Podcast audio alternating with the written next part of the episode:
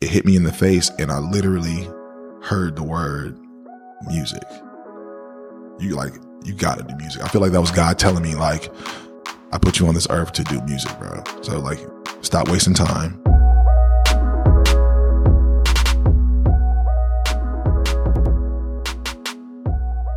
Yo, yo, yo, what's up? This is 1111 Podcast. I am Juice, and I am sitting here with the man, L.A. Buckner.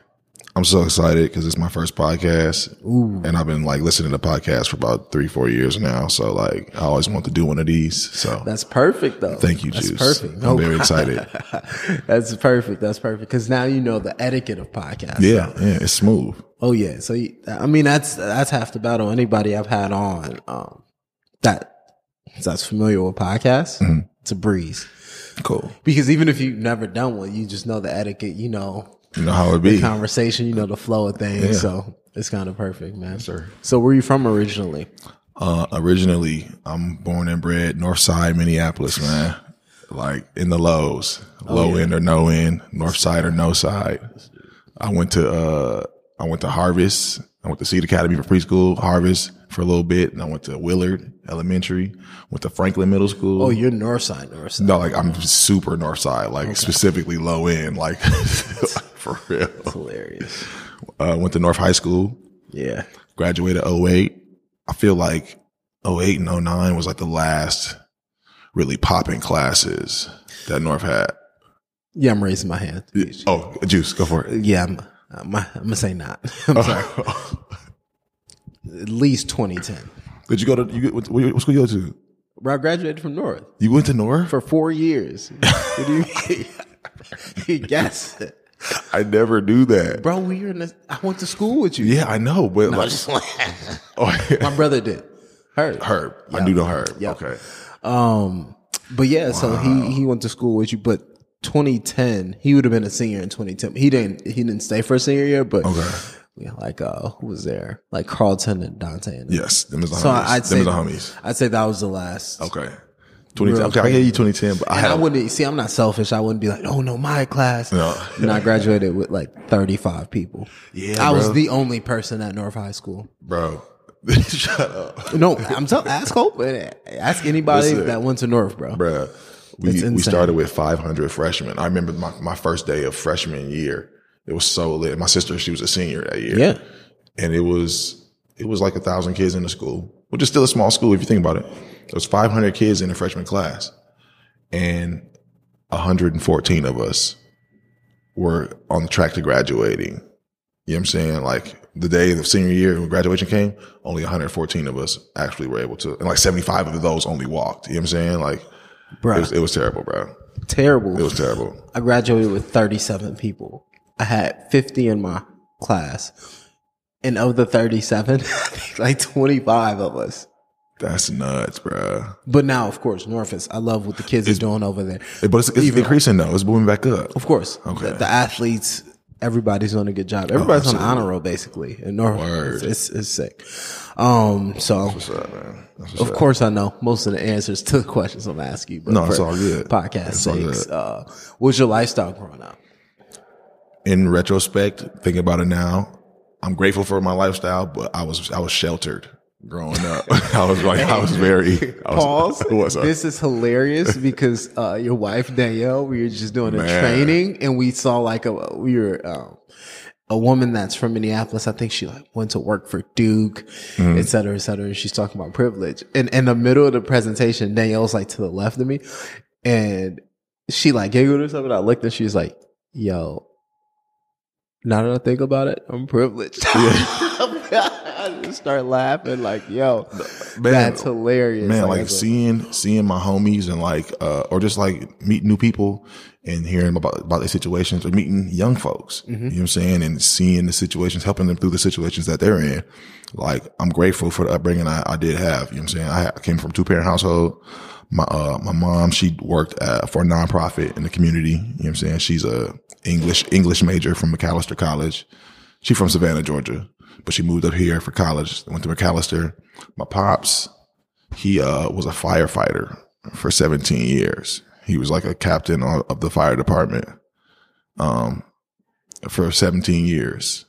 and so that was really lit because he well, he he would No, be he no would be pun intended. yeah really lit yeah funny funny he uh, It's a he would be gone for two days straight out of the week and be home for the rest of the week. So like he was a primary cook in the house. You know what I'm mm. saying? Like he was like definitely captain of fun. You know what I'm saying? My mom wasn't really fun police, but my dad was like way too turned up. You know what I'm saying? Like, so he was home for five days straight out of the week and then gone for two days. You know what I'm saying? So like it was, that was pretty dope. Yeah. He was captain of the fire department. He came, he was like, I got to see my pops come to school all the time, like for fire drills. You know what I'm saying? Like he'll pull up in the truck and I'll be like, that's, that's my dad. You know what I'm saying? Everybody oh, Like, oh, because you went to school. I went to school at Northside. So, So he- every all the fire school, drills. Yeah, all the That's fire drills hilarious. from Willard and Franklin. All the Did he ever like walk up to you like, yeah, it's my son? Did you get No, pulled no, off of it? listen, I remember one time I was sixth grade. I was in sixth grade. I'm in this gifted and talented little program or whatever. So we got to go out of regular class and go with like the other kids or whatever and like play with connects and Yeah. whatever, just play games, whatever. And I'm clowning. I'm leaning back in my chair. I'm just like talking, woo woo. And my homegirl, she was like, um, Arthur, uh, your, your dad right there. I'm like, shut up. No, he not. And she's like, no, I'm, I'm like, I'm not joking. Your dad is standing right there. And I'm still leaning back in my seat. And I just, I turn my head real quick and my dad is standing in the doorway. I don't know why he wore this, but it was like his official, like captain's jacket with the white belt and the mm. silver buttons and the hat. And earlier that morning, I had, I was play fighting with the homie, slipped and fell, busted my lip. So he came up to me. He was like, boy, what's wrong with you? I was like, uh, I, uh, I would, that's so I remember that moment. That's forever. hilarious. Had you shook. Yeah, I was uh, super shook. But my parents always was popping up on me. You know what I'm saying? That's cool. But um, I feel like that's what made the difference for me too. You know what I'm saying? I think that's dope. Me and Jam talk about that all the time. Yeah. Like, we're popping up not because we don't trust our son, of course, but because we want to make sure the people around him are good. Yeah. The teachers are teaching him. Yeah, and, and they're not- make yourself familiar. Oh, oh yeah. Like, just know I'm, I'm popping. just up. know I'm I care about my kid. Yeah, I'm not popping up for him. I want y'all to know, like, Yeah. yo, I'll, I'll be here every day if I have to. Yeah, you got to know your teachers, your kids' teachers' names. You got to know who they Exactly. who's imparting information into your Oh, yeah. child as a teacher. You know what I'm saying? I feel like that is mad important, man. Oh yeah, and Jam's an educator too, so she Yeah, yeah. she, that should be fun. I'm excited just to see that because that, that should be hilarious. So, how many uh, siblings do you got? Are you the youngest? I'm the youngest. Yeah, I knew that. Um, I have one older sister. And Shout out to Maya. Maya, yeah, Maya. I man, she was. I'm realizing just now. I think we're both realizing how dope each other is. You know what I'm saying? Like I always knew she was cold. She was just Yeah. tight. You know what I'm Shout saying? Like she had all the friends. Like I, I know so many people just off being Maya's little brother. Yeah. You know what I'm saying? Um, but I would say in the last maybe six or seven years, my sister's really like, I'm not just smelly, musty little brother no more. You know what I'm saying? Like she sees like, oh, okay, different people like respect my brother. Well, he's actually good at what he does. Like, okay, cool. So like, I think that's cool. That's tight. She's, she's dope. She's a great entrepreneur, like hustler. She really teaches me how to hustle. You know what I'm Yeah. saying? Go after it. Yeah. Yeah, she got the fire. So she was a senior in high school when you were a freshman. When I was a freshman. How, yeah. how was that? it was cool because I'm saying I, I met a bunch of people. She was she she was always a dresser. She was always like fly. You know what I'm saying? She had a bunch of friends, so they they knew they just I was automatically cool just from being Maya's little brother. And then uh, all her friends would be like, "Y'all are the same. Y'all act just alike. Y'all y'all just alike. Y'all act the same." Woo. woo." But we never really knew that because I was always a little brother, and I'd be like, Mike, can I play with you?" She'd be like, "No, get away!" Like, what I do? You were born. Shut up. Whoa. I didn't, that's how that's how Maya was coming. She Yeah, yeah, Maya. She, yeah, she, she got that from my dad though. She got a lot of my dad and her. I got a lot of my mom and me. Yeah. you know what I'm saying. but um, yeah, one sister, That's hilarious. So Maya.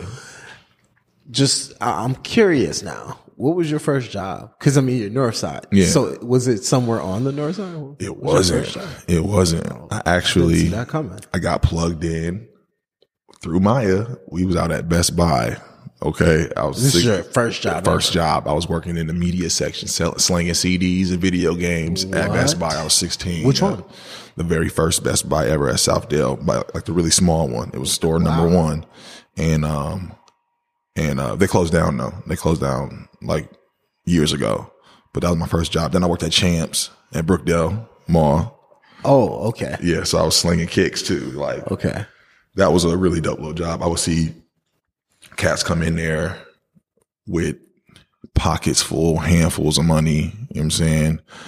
Breaking the store down for their kids, for themselves. I'm That's like, okay, this black folks, we really love to consume. We're the we're the top To consumers in the you, world. to teach you how to bag back and, and Yeah. save something for, Yo, we are for a consumers, second. bro. Um, so Yeah.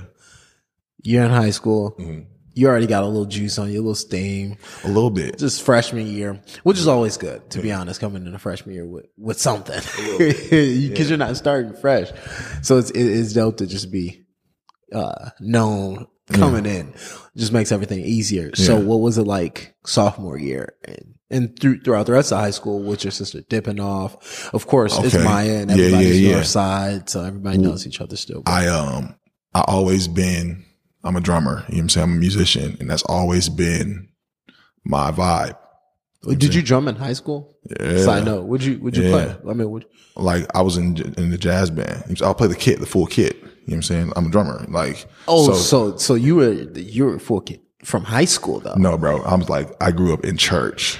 You know what I'm saying? Like since I was like three years old. Yeah. Like I would stare at the drums all service, even when nobody was playing. Like that's what that was my vibe. You know what I'm saying? Like so I was I, I've been playing drum. I played in elementary, you know what I'm saying? I remember one day I was in band, I played other instruments like trumpet, I played saxophone for a year.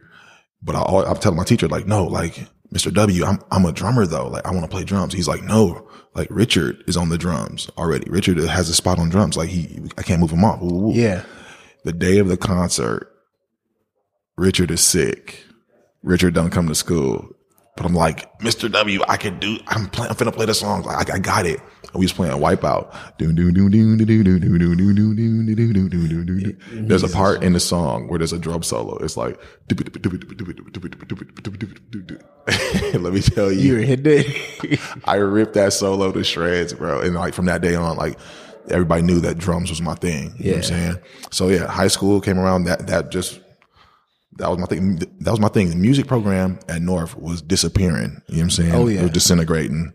But, um, so our, our high school band was literally a jazz combo and the teacher was the sax player in the combo. It was a couple kids who was interested in a little bit of music, but like drums was really my thing all throughout my life, really. I, um, I, um, I was kind of deterred from drums though. Four. I was in the summer program, right? Six, I was going into sixth grade and we was doing a summer program and we were doing this project and this lady's like, okay, everybody do a small report on what you want to be when you grow up. So everybody in the room, they're like, yeah, I want to be an astronaut. I want to be a pediatrician. I want to, you know, be a lawyer, this, that, and the other. And it's my, like my turn's coming up and I'm thinking like, oh, I'm about to kill it. I'm about to, I'm about to shut it down. So I stand up and I'm like, when I grow up, I want to be a drummer, a professional musician. I want to travel the world and I want to play in front of thousands of people every night. And uh, I want to make money doing that. Boom. And the lady looks at me and she says, a drummer? She said, you ain't gonna make no money doing that. You better find something else to do. And from that point on, like I'm a, I'm a sixth grade Yeah. kid. You know what I'm saying? From that point on, I always thought like, okay, this isn't a good idea for me. Like I need to find something stable. I need to Yeah. find, you hear that your whole life too. You go to college, you get a degree, and then, um, you could try drumming, but you need something to fall back on. I was about to mention while you're right there is your dad was a firefighter. Yeah. That is uh uh job's job. Yeah. That is a man's job. Yeah. So um it's kind of tight to hear from what I'm hearing at least he wasn't the type that'd be like, yo, this is a type of job you should have. This is we- did he ever like kind of mm-hmm. make you go out because you're a drummer it's damn took- near yeah. it's, it's like being an artist Yeah, And yeah. if your dad's a firefighter chances are he's like i'm not telling you you gotta be a firefighter but i'm telling you you can't be a drummer He's, he, he did not want me to be a firefighter. He said, he said, I don't like the idea that I run into burning buildings for a living. He said, he said, but, uh, you have a chance to get a better education than I have. You know what I'm saying? I'm not the, I'm not book smart like your mom is. I'm not, so he said, so I got to do this. This is my, my thing. I make it work. And my dad is like a military dude though. Exactly. Okay. And he's a military man. You know what I'm saying? So like working is like definitely his number one, you know what I'm saying, attribute. Mm-hmm. He was like steaming hot that I did not want to go to the military. that I was not trying to go to the army, bro. Oh, for sure. He would leave like pamphlets on my bed, like like, like, no, this is not my route. Pops like, no. So it took some convincing, you know what I'm saying? But I say like my second year. So I went to community college mm-hmm. for two years because my plan to go to Clark Atlanta didn't really pan out. wow. I was seven. I. I wasn't old enough to apply for a loan. My parents didn't get accepted for the loan. Woo. So the money was funny. So I ended up going to Normandale Community College, um, for two years and I hated it. Oh yeah. I hated it. I ended up meeting some real cool people. Did you finish there? I did two years there, but I, um, Did you finish your associates there, or you didn't finish? Nah, nah. I did two years, but like it was, there was no degree. I didn't have no major. I didn't have no. So you dropped out. here's here's what happened. I was taking. I'm waiting for the high five. So you, you, you finish this part. You finish this part slowly. So I do the same thing with stories. I be like assuming, like guessing. Um, I was doing like some music classes, and by this time I was at Normandale, in uh, in the streets, like in the church world. I was gigging with with DFY with Javante. Like, Yeah. I was learning how to like be a professional musician during that whole time. So like we had done a live recording. You know what I'm saying? We didn't know what we was doing, but we did a whole live recording. Like 1100 people came out. You know what I'm saying? To this recording. Like I was gigging everywhere and the drum teacher told me, he was just like, man, you're, you're really advanced. I was taking small lessons at Normandale. Mm-hmm. He was like, man, you're, you're already like pretty advanced at this, man. Like, whoop, whoop, whoop. I was thinking about being a journalist. You know what I'm saying? Like, I don't know. Something. Yeah. Just Something, to, yeah, something, a, a real job job. Yeah. And dude, I remember literally, I was sitting on a bench outside of Normandale and it was time to register for new classes. And I was so torn up. I was so frustrated. I'm saying with just how life was panning out. And there was like a, there was like a, a bus stop and there were, the bus had pulled off and I, and you know, that, that hot mist that you Oh, feel, yeah. that steam thing Yeah. you feel after the bus, it hit me in the face and I literally heard the word music.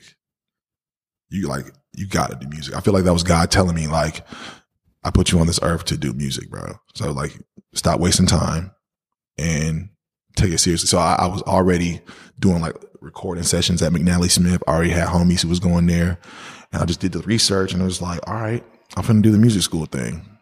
If I'm going to school, if I got to go to college, I'm gonna go for what I want to go for. And the way I, the way I really see it, bro, is like the church world. They've been saying we living in the last days. They've been saying that for forever. You know what I'm saying? For I was like, so I don't have time really to like waste doing something that I don't want to do. Yeah. You know what I'm saying? Like I'm, I have to go out with a bang. You know what I'm saying? I have So to you- be playing. So did you finish at the music school? So I Oh, to- listen, listen. Yes, I, I went to McNally Smith. I got to McNally Smith. I did four years there. Got the bachelor's degree in drum performance. oh God, Okay? high five that too. Yes. Oh, thank you. Thank you. Thank you. Um, but so my plan was to move to Los Angeles and then I finna hit it hard, like be gigging. And, uh, the head of the drum department called me to his office one day. He was like, Hey, we want to extend, uh, uh, the presidential scholarship to you for the master's program. Mm. And I was like, Oh snap. Okay. I So what does that entail? What- What is? so it's like I literally they gave me my master's for free, my master's degree, and I went to school for two more years and like cut my teeth like for two more years and like extended connections and network. You know what I'm saying? I got the degree. You know what I'm saying? crazy. Now it's crazy. It's very crazy because I, if I see a student today like doing homework in public, or I'm going to tell them like, "Hey, bro, put that away. It's not. It's not going to help you." Put that away. You know what I'm saying? Like I realized that college, man, is not about ta taking tests or getting good grades or, you know what I'm saying, scoring well or that's not what it's about, bro.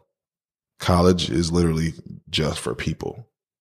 to The meet people. networking. You know what I'm saying? For relationship, it's all about relationship. It's about building relationship with your peers, the other cats who are interested in doing the same thing you're doing. Oh, yeah. It's about building relationship with your teachers who are soon going to become your peers. You know what I'm Which saying? is, that's so crazy. your teachers will be your oh, colleagues Oh, yeah. soon. That's always excuse me. That's Yeah. always funny because even even growing up and then knowing somebody next to you and they're always like an OG or just like big homie, Mm-hmm. and then when you grow up, you're like, bro, we're in the same field right now. Like, Bro, we're we can go for to the same gig. bar after this. Yeah, bro. Like, yeah. we can. Oh, we hang out. Oh man, I've seen teachers disrespectfully sloppy. you know what I'm saying? That, I think that was the, the craziest adjustment to adulthood. Yeah. We're seeing that because and just realizing like everybody is human, like everybody dealing with the same stuff. yo, Miss Smith, he Call me Sharon. Sharon. Hey, you notice the folks at the happy hour be getting nasty with it. Yeah, like, yo, sharing all their business. yo, you just you just got my little brother's in your class still. You Talking about calling you Sharon. No, Miss Smith. this is my husband's fourth time in rehab. You'd be like, sis, I'm not really trying to hear Miss, this. Miss Smith, I don't. I, I- does my brother get an A if I talk to you? I don't, who do you I did mean? not sign up for this. Oh man, um, So yeah, the college the college journey, man, it was uh I was very blessed, you know what I'm saying, to have the opportunity afforded to me. You know what I'm saying? Oh, yeah. As far as the connections, as far as you know what I'm saying, the network that I have now, every gig I do today is based off somebody Oh, from yeah. school. yeah, Like some way or another. Out- Like if it's not outside the church, you know what I'm saying? Outside of like black church gigs, you know what I'm saying? So hold up, did you do eight years of school? I totally did. No, no, no, no, I did six years. So you did No. I did eight years of school, bro. I did eight years of school, fam. Yeah, I was in college for eight years, fam. That's uh, Dang. Did I just put that into perspective now? yeah. So you technically did get your master's. Yeah. You- it was no shortcut. Yeah, no shortcuts. Maybe Yeah. they I- said it was just Dang, I spent but- eight years of my life in school. Yeah. Yeah. No, no, no. Let me let me correct you, sir. You didn't just spend eight. You spent maybe twenty years at school. yeah. what are you talking yeah. about? I mean, saying in college, though, eight years of college, bro. That's crazy.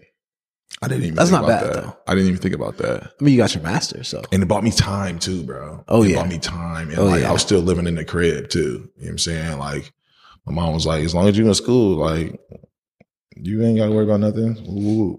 That's a privilege, by the way. That it, it's a great privilege, but sometimes I'll be feeling like I missed out a little bit though. You know no, no, no, no, no. what I'm saying? Like with the with the high five experience. Are you, are Oh, you no, raising your hand? Raising my hand, sir. Juice, go for it. Yeah, definitely not. That, Okay. That's privilege, sir. Let me just point it out for you.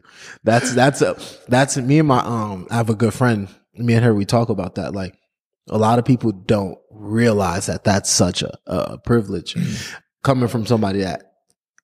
Think of this scenario. This is a crazy scenario. I'm sure you got friends like this. Of instead of um, you know, having that afforded to you, you have to work to pay your own, like think of phone bills. Think of maybe you got a car in college now, so you got to pay for that. Think of gas. So you, you can't go to school and go to, it's two full-time jobs and you're 17, you're 16, 17, trying to balance an, uh, an adult Yeah. kind of schedule. So that in itself a is a privilege of like, yeah, yeah. think of yo, I got to pay this two hundred dollar phone bill, this this hundred dollar insurance for my car, assuming that you already have a car, because usually those type of people never do. right. So maybe a car note, maybe you have to save up to buy a car because you have to get around. So it's like that's kind of that's what a lot of the kids coming out of, Yeah. um, you know, like young life. That's that's Yeah. that's their option. Like, They're dealing well, I have like, to work. grown. They're dealing with grown situations. I'm saying so. Wait, like prematurely. Like you should not have to be thinking about that. Oh, yeah. More people have to deal with that than you think. So that is It's a that's, that's a definite. And I think Danielle realized that no lie when we were watching this video. Man. She was like, "Oh yeah, oh yeah, was for sure." And Jam was too. Like she, the same way as y'all. Like Mm-hmm. grew up two parents, didn't have to, you know, have that same uh Struggle. dilemma. Yeah. Yeah. of like college or work, or I have to do both. Man. So that's always super fortunate. Huge Um, blessing. so music came to you in high school, before high school. When did you, besides the moment at Normandale, Mm. so after that, when did you realize like, yo, this is possible. Cause I feel like that's the difference. Even if you are, because I mean, you're an artist, so you always have to have like, you know, self belief. Yeah. But when was a moment where it was like, in real, a real life experience of like, I oh, think- this is going to happen. I think when my uh when my parents finally caught the vision, you know what I'm saying? Like my dad was like, You want to be a drummer? So he's like, You want to live out of a suitcase and be on tour? Like that's what you want to do? I'm like, it's not, it's more than that, Dad. It's like it's it's possible. But like when they caught the vision, they went to McNally, they seen like, oh wait, this is a place like specifically for Oh, this is a real school. yeah, like kids just like him. You know what I'm saying? Like I wasn't a weirdo in music school. Everywhere else, at Best Buy, when I'd be air drumming and like singing songs and uh, uh, uh, doing my own thing, that's weird. You know what I'm saying? But in the halls of, of school, of music school, everybody's on that. Everybody's singing their own song. Everybody's, you know what I'm saying? Like that's normal. Like you better be having a song to sing or like That's- you're falling behind. You know what I'm saying? you better have a song. to you know what I'm saying? So it's like Oh, I think man. I think when my when my my people finally caught the vision and like saw it, then that just took off all of the uh the extra worry. It's Oh, yeah. like, oh, I'm not gonna make it. Like, no, I'm going full fledged now. Like, it's over with. And I was already, you know what I'm saying, out here in the city doing gigs and like making money and you know what I'm saying. So it um that really that really fueled me, you know what I'm saying? And like having successful shows, you know what I'm saying? And like seeing the the product, seeing the result of the of the work of the of practicing and the rehearsing and like people coming out and paying and like it it it actually working is what made it click for me. You know what I'm saying? Yeah. It, like made made the fire that much hotter. Yeah. You know what I mean? Well, so what hardships did you have to face in that? Because I mean, I know the life of an artist. So, what did you did you ever hit a roadblock of like, yo, is this what I should be doing? man and it's like it may not be uh, as hard of a hardship as like having to pay all your own bills when you're a young kid or whatever. Oh no, You know no, any saying? hardship I feel like is but I, it's literally I've been at points like in the practice room. Somebody just retweeted it. I retweeted this the other day. They said retweet if you've ever cried in a practice room. There's been moments where like I have to play something or I have to do something that like is not in my wheelhouse at all. It's like first of all, I'm not even interested in this type of stuff. I'm being tested on this. This can make or break my experience here. It's like other cats are like killing too. You know what I'm saying? Like, look at Instagram nowadays, bro. It'd be like 14, 15 year old kids on there playing stuff that I Did you see that four year old drumming? I'm a fan of uh, little LJ. I'm a fan. I'm a fan of LJ. know- he's, knows he's his name. Yeah, he's raw. His pops, but like that's the effect of a parent like super investing in their kid. You know what I'm oh, saying? yeah. That's exactly what happens. You know what I'm saying? His pops buys the small little cymbals, sets up the mics. His pops is the musicians too. You know what I'm Yeah. saying? So it's like it's perfect. It's perfect. But like, there's been moments where I'll be like, is this what I'm really supposed to be doing? Like, you know what I'm saying? But So it's like, there's been hardships, but I'm always, I'm always a glass is half full kind of person. You know what I'm saying? Like, I'm, I'm grateful to even have something in the glass. Honestly, You know what I'm saying? So like, optimism. of course, hardships come and like, you know, stuff that we inflict on ourselves. You know what I'm saying? I've, I've learned a lot of, uh, a lot of lessons kind of the hard way. You know what I'm saying? But I would say hardships, it was a, a personal thing, like a, like maybe like an existential mm-hmm. kind of thing. Like, what am I doing in my life? I feel, I feel like that the, the, really big hardship was like not getting accepted or not, I mean, not being able to go to Clark Atlanta. I went down there for orientation and it was like the most lit four days of my life. So I have a confession, bro. I've been to that exact same. the Clark Atlanta? I had the exact You same met, you met the. OGs, the, the Listen, orientation guides? Listen, Bro. and then I did the Morehouse one right after. Oh my God. Is it the, is it Clark or is it Morehouse where they're like, yo, this is sacred grass. Don't, Don't step walk on this grass. on this Yeah, grass. yeah. That's, I think that's the whole AUC. bro. Yeah, you walk on this grass when you graduate. Yeah, do not walk on the grass. They, they always was on that.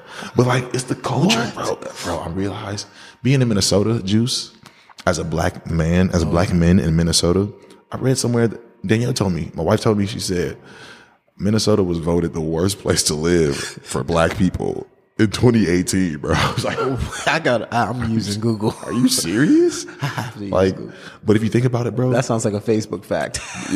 it- yeah, yeah. But I hope if, not. If you think about it, every other city where there's more black people, like there's so much more opportunity. There's the culture is so much stronger. You know what I'm saying? It's like black folks only make up three percent of the population here in Minnesota. You know what I'm saying? Like, Yeah. and, and most of those black people are in Minneapolis or the surrounding metro area. And it's like everybody knows everybody. Like people who are dating here is tough because like they, you know, everybody know everybody. It's too small. You know what I'm saying? So like other cities, bruh, I see you're seeing some stats. Uh oh. oh yeah, no, this is crazy. Chicago's 15. Rochester, New York. It's a lot of Illinois on here. Crazy. Another Springfield, Illinois. Kankakee? What? I Kankakee, thought that yeah. was a spot. from Kankakee. Oh my I know goodness. Oregon is from Kankakee. Oh my goodness. Peoria, Illinois, Minneapolis, fourth on that list. What's one? Milwaukee's on there. Oh, I mean, I could have guessed that. Waterloo, Cedar Falls, Iowa. Waterloo, Iowa. No, bro, Iowa's tough, bro. Do you ever? I mean, because you you travel for drumming. Yeah, yeah. Like I'll be in this bands is and, and, but, This is all Midwest. That's those are all Midwest. and I, I I heard Killer Mike say cut you off. most black people in this nation live in the southeast. So it's like, of course, more opportunities is gonna be in Atlanta, gonna be, you know what I'm saying, down in Florida, it's gonna be. It's a crazy stat. So yeah, man. Um, So, yeah. how was that on a on a drummer? so like traveling with like okay, Because get you travel, you tour Midwest. bro, That's bro, and it's yeah, like that's your pocket. and you know Minnesota's a like they call it a flyover city. You know what I'm saying? Even though we're popping for like business, we're Yeah. over fi- like a hundred, Fortune 500 corporate Mm-hmm. destinations are here or whatever. But like I was playing with this one band. It was a funk band, and we they were smashing. We was killing. But we would go to all Midwest festivals where I would be like one of three black people there. I'd be the only black dude oh, I know what there. that means. You know what I'm oh saying? And it's like they didn't understand, like, okay, I don't have the same liberties as y'all to like be walking down the street yelling, woo, jumping, hitting the sign, swearing all extra loud on the street. Look, I don't have that liberty, bro. Like, you gotta calm down. You have to make adjustments. I'm adjusting my entire life. Plus, it doesn't help that you're what six six five six seven. Yeah, yeah, I'm six six. You know what I'm saying? Yeah. So it's like So yeah. you really can't. You they see to- me and like the way I wear my hair, oh, the clothes I wear. You know what I'm saying? They automatic like white folks who don't know me automatically just like are not feeling me until they they chat with me. Yeah. I, I feel like I can make friends with anybody, bro. I feel Yeah. like I could. That's a gift that God has given me is friendship. I feel like I can I can connect some way somehow to almost anybody. You know what I'm saying? And just being with being around. I had to quit the band, bro, because I just literally told them like it's just too white. It's just it's too a white. white funk band. Yeah, and, and, and- but no, the, the, but the thing is, white folks are the most studied musicians you'll find. Like as far as black music, they Whoa. they know exactly who to search for, exactly what sound to listen for, exactly what is the funkiest, most churchiest, most blackest sounding thing, bro. I was with, I went to PJ Morton's show. PJ is one of my favorite artists. You know what I'm saying? And he's a a piano player, a church dude, but he he does R and B soul music and all his stuff sounds so churchy, so black, but it's funky. It feels so good. He came here to Dakota. This is his maybe his second time here, and in the house were all of the best white musicians in the city. How do I know that? Because I play with these cats all the time. Yeah. you know what I'm saying, and they know exactly where to go for the most blackest sounding stuff. Look, I was I watched PJ play, and he was just like singing and piano solo, whatever. And he was killing the keys. He's an underrated keyboard player. Like he's really raw. But I looked at this one keyboard player, this white boy who's code up here. I was looking at him and he, I could see the computers in his head because he was analyzing every single chord, every single note. He was just like, his eyes were just staring at PJ's hands. I was just like, they know exactly what the blackest stuff is. You know what I'm saying? And like now I'm not even afraid to call it what it is. Like, no, I play black music, bro. I play black music and like every, every fiber of American popular music has come from the black church.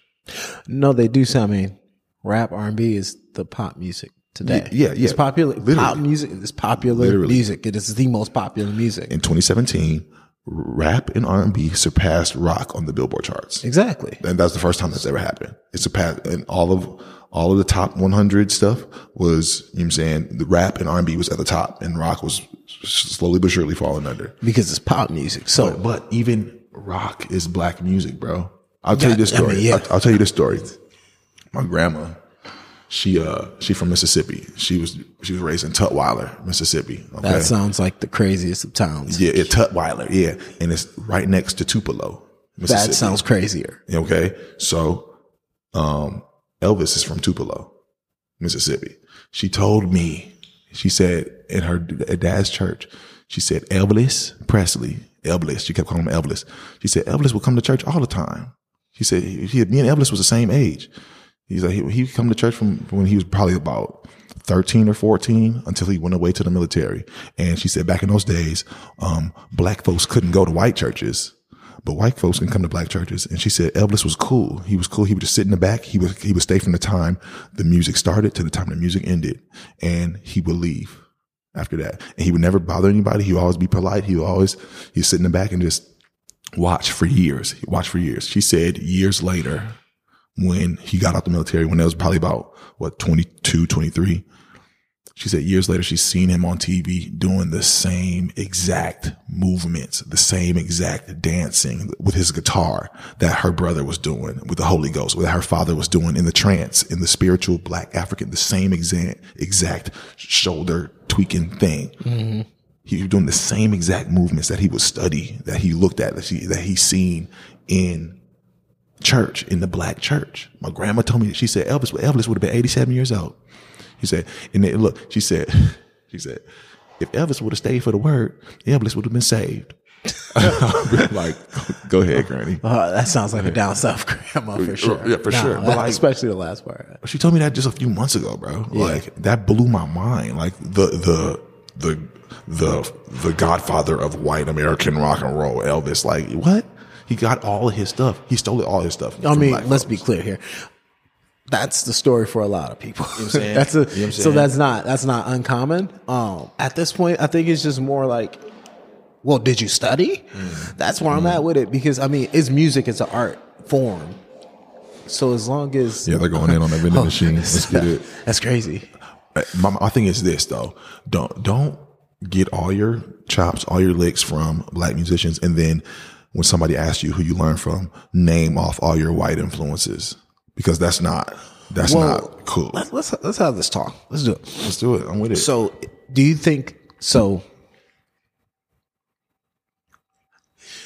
Imagine me. I'll, I'll just put it in my perspective. If if I hear, you know, great musicians that look like me, mm. and I'm like, oh no, that's that's an ugly way to put it. Imagine a white dude, mm. and he listens to his favorite musicians. And he's like, yo, I wonder where that person gets their sound from. What mm-hmm. is that? Mm-hmm. And then let's say one day you're walking up the street and you you hear something, and you go in, and it's the music you love from your favorite people. Mm-hmm. Is that not the influence of the people you love? I mean, granted that that person was influenced by them and now you're influenced by them, but the original the original want, the original craving came from, hey, That- that. so is it really a lie to not pay homage to? I mean, it's wrong to not pay homage to staying in this black church and learning things like that, but it's not completely a disservice because the original craving for it came from, you know, say, oh, uh, an- a person that looks like him.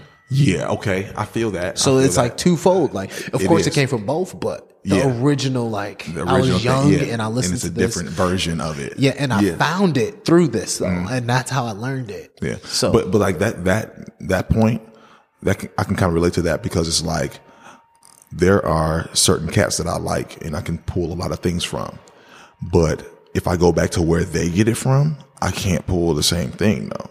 Yeah, I don't, I don't be digging it as much as I like what they've been influenced. yeah, You know what I'm saying? I, I don't li- like a lot of the, the, the cold black drummers, Mm-hmm. like older than me, the OGs to me, they like cats like Vinnie Colaiuta.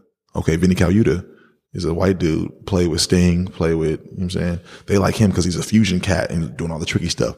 But he got all his stuff from the old black jazz cats. He, they're jazz drummers. You know what I'm saying? The Elvin Jones, the Tony Williams, you know what I'm saying? The, uh, Autumn Cats, the Philly Joe. Like they get all their chops from the old. So it like, it goes in, in, in cycles too. You know what I'm So saying? that's why with art, I'm not so quick to be like, yo, you didn't pay homage to the person you got it from because it's Mm. like they- okay. artists are inspired from so many different That's things. real So juice. it's like, That's okay, really well, my favorite people, these, these are my, those are his favorite Yeah. people. Well, he can't name the people, Yeah. you know, at the church.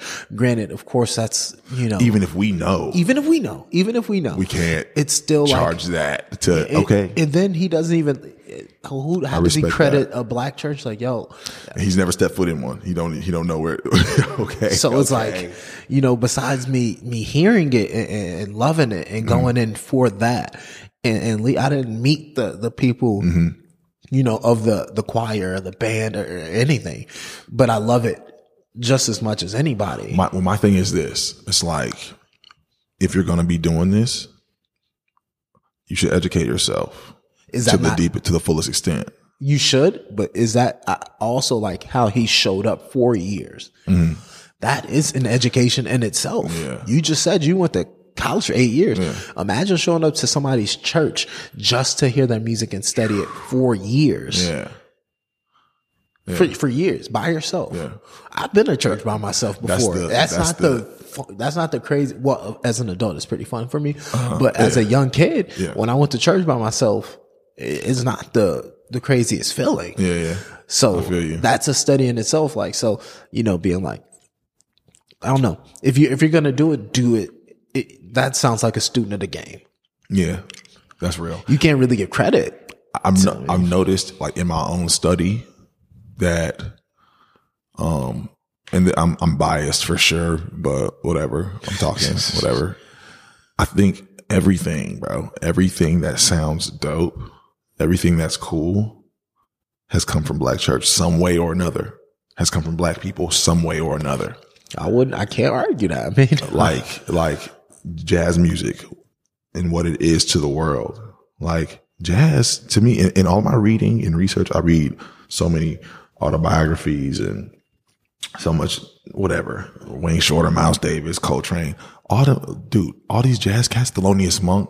I'm, I'm reading his book right now. All these cats is church dudes, bro.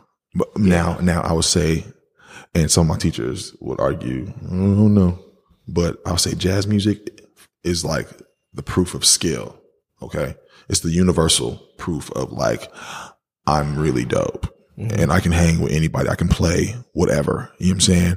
But I feel like jazz is like just black church music with white influence, with white influence from uh, Western European composers. You know what I'm saying? They got more tricky with the chord progressions and like the, the com- composition. You know what I'm saying? They added more fancy movements and more notes to it. You know what I'm saying? That's why jazz is so complex. And that's why it's a universal thing because all these jazz cats who were the heavy church kids, they were also like classical freaks. You know what I'm saying? Because like that was like the t- very technical side of the music game. You know what I'm saying? Um, nowadays church is super technical, but like back then church wasn't very, it's not, it wasn't complicated. It, it all, it was all feeling. It was all yeah. uh, like sincerity in your heart. You know what I'm saying? up to probably a few years ago, maybe yeah, yeah, probably like changed the last 10 years. It changed. Yeah, yeah. And I would say definitely 2000s, like with, with the, the adding of like all the electronics and everything, the click tracks, the sequences and like the, the drum pads and all of that. You know what I'm saying? But I, uh, I say I, my, my opinion, I feel like jazz music is just black church music with Western influence. You know what I'm saying? And that, that point is debatable and arguable uh, amongst jazz scholars and musicians and older cats. You know what I'm saying? But that's really what I feel. And, and for my, my personal journey in music, I'm trying to be as black as I can. That's what my, my whole life right now, bro. Like Tupac said on, on Pimp a Butterfly, that interview, he was like, you don't really see too many like loudmouth 30 year old niggas walking around like super radical, crazy. You know what I'm saying? So in my mind, I only got a couple more years to be radical, to be as black as I can before I calm down. Before you know what I'm saying? Before you calm down, get new glasses. You know get, the, get the square glasses because that's usually the, the 30 glasses. You know what I'm So saying? you don't go back to the, the circular glasses till you're about 40. I did, the, I did the Malcolm X frames, and then these was the new joints. I did like the professor vibes. So now I got to figure out something else to no, do. no worry. You go. it gets more boring. Yeah, yeah. So, um, where do you see yourself growing? Like, how, where do you go from, from, do you just gain more knowledge? Do you just get more gigs? Like, what's, how do you progress? I've, I've done some traveling recently, Juice, and this is like a harsh uh, realization for myself that I'm just now um, making decisions to like fix or whatever. But I'm realizing, man, that the standard of musicianship in other cities is so much higher, bruh. It's so much higher. Like I went to Los Angeles, seen uh, a Terrace Martin show. Terrace is a producer. He's a jazz cat, saxophone player, but he produced a, a bunch of uh, Pimp a Butterfly. He produced mostly all of Untitled Unmastered by Kendrick. You know what I'm saying? Um, went to a jazz show and just seeing the cats he had with him. He had just had some kid on, on the Rhodes on, the, on, on piano, no name kid who was just blazing, like ripping it down. Okay. Like I, I kicked it with this producer out there. He come from Milwaukee. Now he's on with this huge production crew in, in Los Angeles and just seeing his workflow, just seeing how deep he gets into his production program, how like he was all up inside of Ableton, bro, like killing it. So does just that seeing, the seeing the standards. is that the growth right there of seeing like, yo, this is where the bar I- is? yes, it, other places. It's, it's, So it's kind of devastating a low, low key because it's like my city, Minneapolis, as far as like music and like musicianship and like being a co-musician is concerned, we are behind, bro. Mm-hmm. Like we're we're like in 2011. You know what I'm saying? We're in 2010. Low key. You That's I'm saying? almost a decade. Yo, so it's like I have to move around. I have to travel. And now, as far as me and my wife, we don't have no kids yet, but as far as raising a kid and like being a family person, I feel like Oh, this is is, awesome. Dude, I'm telling you, and the that. more you travel, the more you know that. Oh, man, I'm it's telling a you. great place to raise a family and to like, you know what I'm saying, build and like and now and, and I would I don't want to move away from Minneapolis because I built so much here. You know what I'm saying? Mm-hmm. Like as far as my teaching is concerned, as far as like my gigging, like and people say, well, that's not going to go nowhere. It's always going to be here. But what I, the perfect situation for me and Juice would be to like be based in Minneapolis and always be traveling, always be frequenting other cities. Like that Oh, yeah. would be the perfect situation. Same. I, I- I know a couple people who do it. You know what I'm saying? But that would be, um, that would be the, dream ideal situation. There are some opportunities coming up for me. Like I got a couple new jobs. Being a, a musician, you can't just be a drummer, but you got to be a teaching artist. You got to be, you got to be a producer. And there's different, um, experiences that I'm embarking on that allow me to travel a lot more. I'm traveling with a couple different bands. I'm doing this production work, uh, teaching production work to kids, classrooms of kids. Like that's been taking me all over the world, low key. Uh, and I just started this new job with PBS. It's a, a show called Sound Field, and it's pretty much just music research, musical education show, and um, that's going to provide me with a bunch of travel opportunity as well. And I'm, I'm low key. We just released the first episode, but I'm thinking like this is going to be pretty big for your boy. I was about to say. So, do you think? And do you think like this sometimes? Especially when I was in the middle or the heart of my art artistry, Mm-hmm. I'd always think like you know sometimes certain uh, certain jobs or gigs kind of um, give you time. Mm. Like, say you need X amount of money to live because most artists have to think like that. Like. Yeah. yo, uh, let's say I need forty grand to live, and a job offers me maybe 27, 28 Mm-hmm. for for less time, Yeah, for a, for but a, yeah, more money. When you you know if, if let's say full time job, these are horrible numbers, and another yeah, yeah. full time job was. no. this- so do you think like that? Like you know, if I take this gig, I kind of get afforded this time now to do what I love more. low key. on the back end. for some situations, yes, yes, or like, um, for right now, if I take this gig, I don't have to do all this extra hustle, hustle, hustle work. And yeah, it does buy you time to like work on your craft or Mm-hmm. Exactly. juice. Like literally yesterday morning, I quit two different bands that I was in. that I was in. exactly. You know what I'm saying? Because, um, the hustle and bustle, I don't have to do it anymore. And if I am going to be hustling and bustling, if I'm going to be showing up on time, being the first one there, um, setting up extra drums, setting up my kit in your living room, like I might as well be doing that for my own music, for my own project. You know what I'm saying? With my own band. That's all I'm you know what saying. I'm saying? If I'm going to be working on production stuff and like shedding all these hours, I'm going to do it for my project. You know what I'm saying? And, and, the uh the work that I'm doing, maybe with the traveling or with the the recording of the episodes or whatever it is, that is covering. You know what I'm saying it's a little better than all the extra little hustle and bustle of just gigging because gigs don't pay that much up here. Not really. They don't pay that much. You know what I'm saying? Yeah. But like, I want to, man, I just want to be on another level. You know what I'm saying? And, and get around to these other cities, man. And and I'm hearing that about everything, bro. As far as like black people are concerned Yeah. like it's more thriving on like there's a higher level even in like in business bro or like in photography or like uh, there's cats out here like really smashing in Oh, yeah. minnesota minneapolis i used to be kind of offended when folks not from here would come here and be like yeah man this ain't really it though bro like no but like going out and seeing you know what i'm saying or It like or people like, people who, who do live here when they go out and see and they come back home and be like, man, no, this ain't it. Like, I just didn't understand, but now I do, bro. Oh, yeah. Like, and, and granted, granted, every time I go somewhere, I fall more in love with my city too. You know what I'm saying? Because we're so we're so clean. It's very green. It's very progressive. It's very you know what I'm saying. It's very ahead in a lot of things. You know what I'm saying? Lie. One place gave me a run for my money though. What? Pasadena, California. Oh, Cali. Yeah. Okay. Pasadena is a beautiful city. Okay. That, that's number two on my list right now. that's that's the place you go and you look around like, I could just bring one. Okay. Okay. Or I could, yeah. Yeah. I, I could feel that. I feel that. This ain't too- So like, I, I do love Minneapolis. I love being from here. I love what we've created as far as like the Minneapolis sound and like who Prince was and who Mint Condition is to like the R and B world, to like the musician, black musician world. Mm-hmm.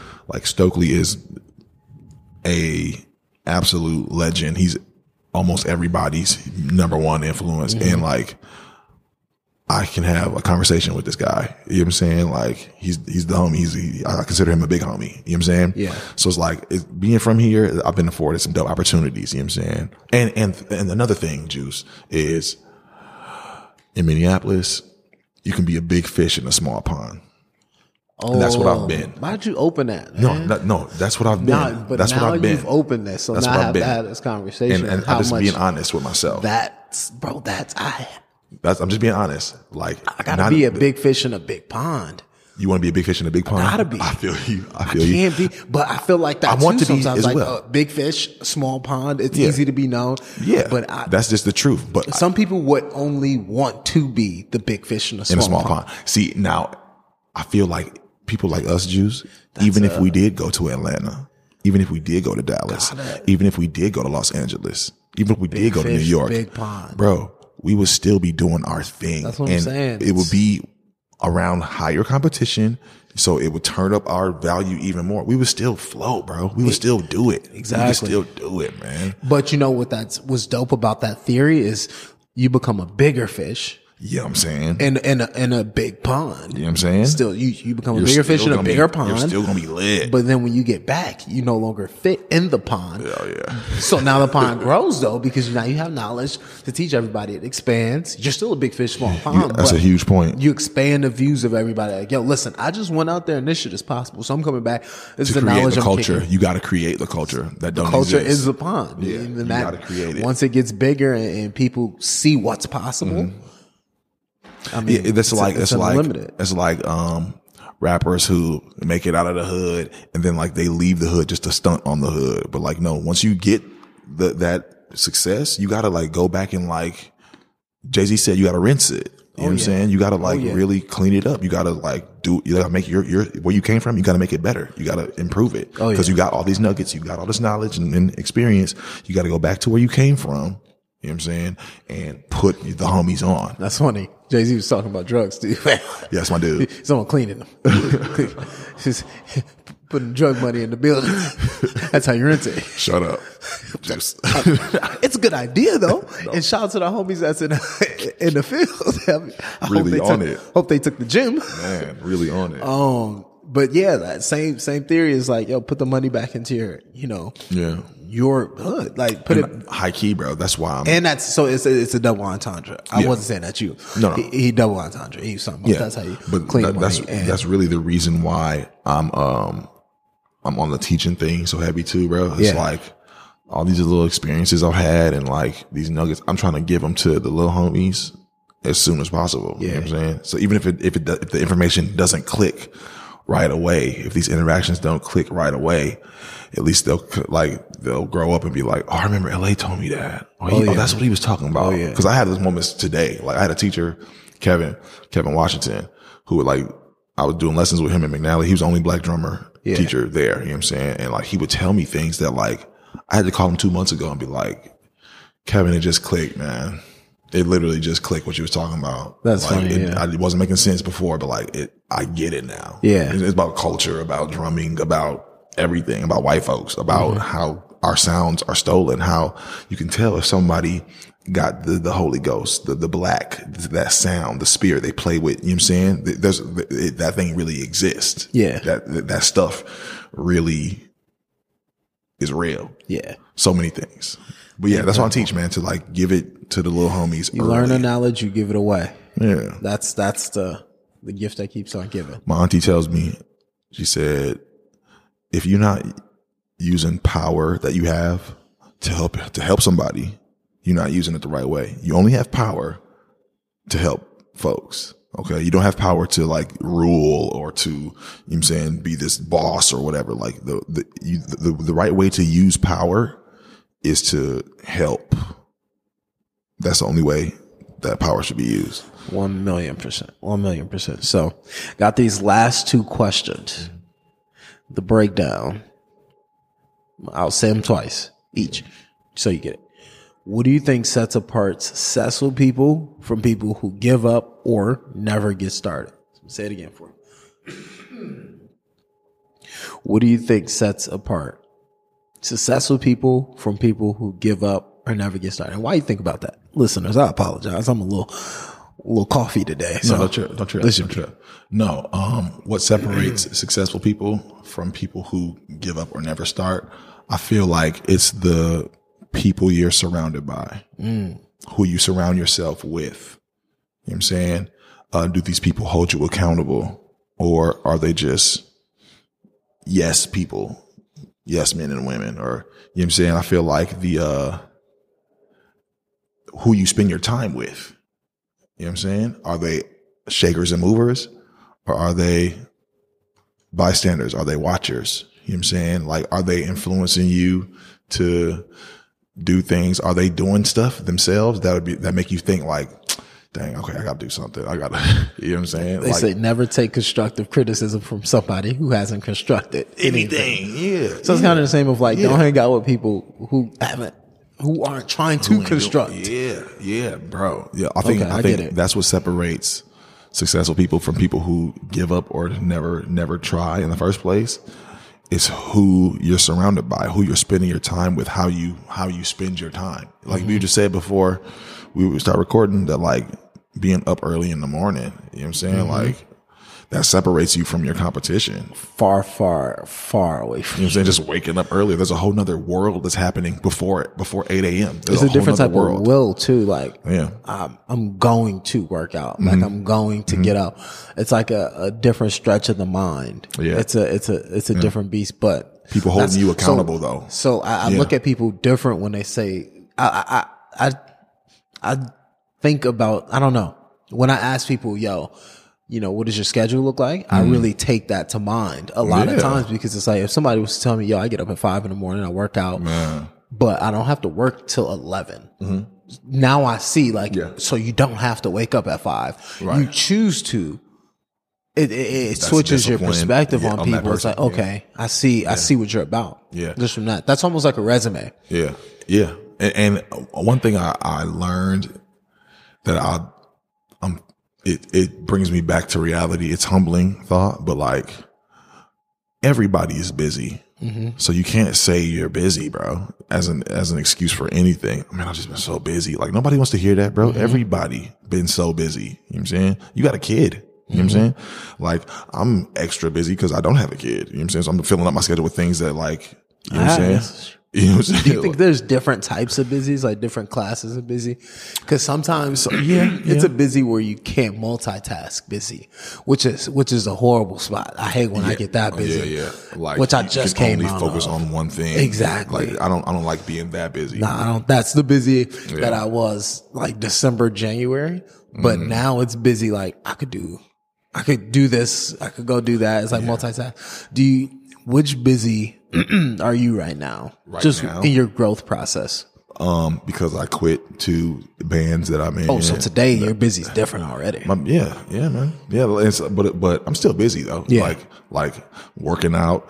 Okay, I got one hour of nap before I came here to do the podcast. Oh, yeah. I got a little work meeting an hour after this, and then after that, I got to go teach. Yeah. Dang, I, I'm actually pretty busy today. But- and, and here's the thing. Here's the thing. Like my wife told me, she said, I'm looking at my calendar one day, she says, "That's your most used app." In your phone, isn't it? I was just like, dang, low key it is. Cause like, if you look at my calendar right now, there's only one thing on it. There's only two things on it, but I know I got four things Oh, to do today. Yeah. You know what I'm saying? So Yeah. like, I'm still not even using it to the fullest extent that I could use it at. But so, yeah, I got a rehearsal later tonight. That's a rehearsal every Tuesday night. I got to teach here every Tuesday. I got to, you know what I'm saying? I just scheduled this work meeting, this scheduled podcast last week. Oh, yeah. You know what I'm saying? So it's like, I was wondering why. See, I, I, I don't know. Let me see if I got it in my bag. Yeah. So this is my this is my schedule right here. So it's like what? uh, the the the big planner vibes of everything I have to do for I'm the seeing day. family time, lights time. out. Oh, come on. No, bro. No, That's- listen. that's how we- that's- that's Juice, what we do now. You have to be intentional about never- family time, bro. I bro. Oh literally never did it until oh maybe the end of December, bro. And now that I put it, that's because you, I, I never wind down, bro. I go from busy as shit to to sleep at Yeah. So I never have a time where I'm like, right, everything's done, and I've been doing it for the bro. last maybe eight weeks, maybe seven weeks. It's a different vibe of like, listen, at ten, I, at, I, a few months ago, I did like nine. So Janae, she would hit me up in homie. the, yeah, shout out Janae. She she she'd uh we'd be talking, and she was like. Are you free? It was something that she needed me to do, but it went until nine thirty, and then she was like, "And could we just meet after that?" Because usually I'd always be down, and I was like, "Oh no, listen, my days are different. Yeah. If you want the most productive me, you got to see me inside of 9 p.m. If it's not inside of 9, I, I'm not meeting. Yeah. But it, it takes that that schedule, so it's important. I think that's that's a productive point. Absolutely. It's like getting up early, scheduling your day. I, and you, I'm, I'm seeing you, you've written success. down family time several times in there. It's like, Oh, yeah. bro, that is uh, when I first got married. The uh, one of my big homies told me he was my old Sunday school teacher, my old basketball coach, one of my mentors I, had growing up. He said, the time he said spending the trivial time with your wife, time where like y'all ain't doing nothing.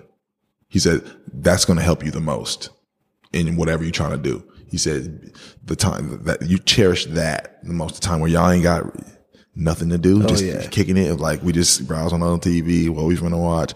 You cook some food, like like that. You said cherish that time. Oh, he said because that's that's what's that's the quality time that in that love language that you're talking about. That's that's what that is, bro. He said that is some of the most important time you could spend with your family. Just like you have to schedule time. I you you got to schedule time to do absolutely nothing. Being an artist like yourself, you know what I'm oh, saying? Being busy all the time, you literally have to schedule portions of your of your time Especially to not when do you get anything. a kid. Especially when you have a kid. Yeah, just being there does so much. For If I didn't do that, I'm telling you, this last like him walking wouldn't be so special right now because I was busy um while I was doing this whole calendar. wow. But he just learned to walk over the last maybe seven weeks since I started, it. which it- it's literally hilarious that He's I did it. dipping So now. I'm, it's not, pretty I'm sure he's dipping Oh everywhere. yeah, no, it's, he's it's, all over it's, the it's, it's fun. It's lit. So that that whole experience, it, it'd be different. And calendar app, man, yeah, keep it coming. So Last question. What is some practical advice you can give people who struggle with achieving their goal? What is some practical advice you can give the people who struggle with achieving their goals? Whether that's in music, you know, whether that's in time management, um, whether it's in travel.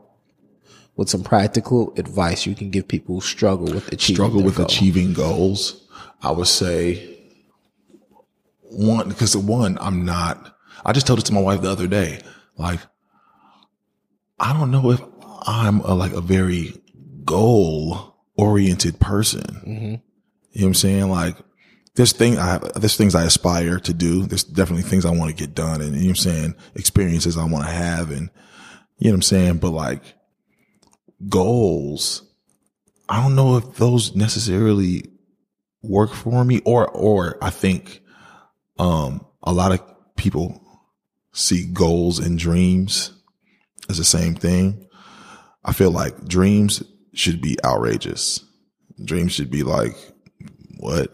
I feel like goals should definitely be attainable because those are steps that you're looking at that you you can step on. You know what I'm saying? And you can move you up little by little by little. I would say don't set your goals so far away from you.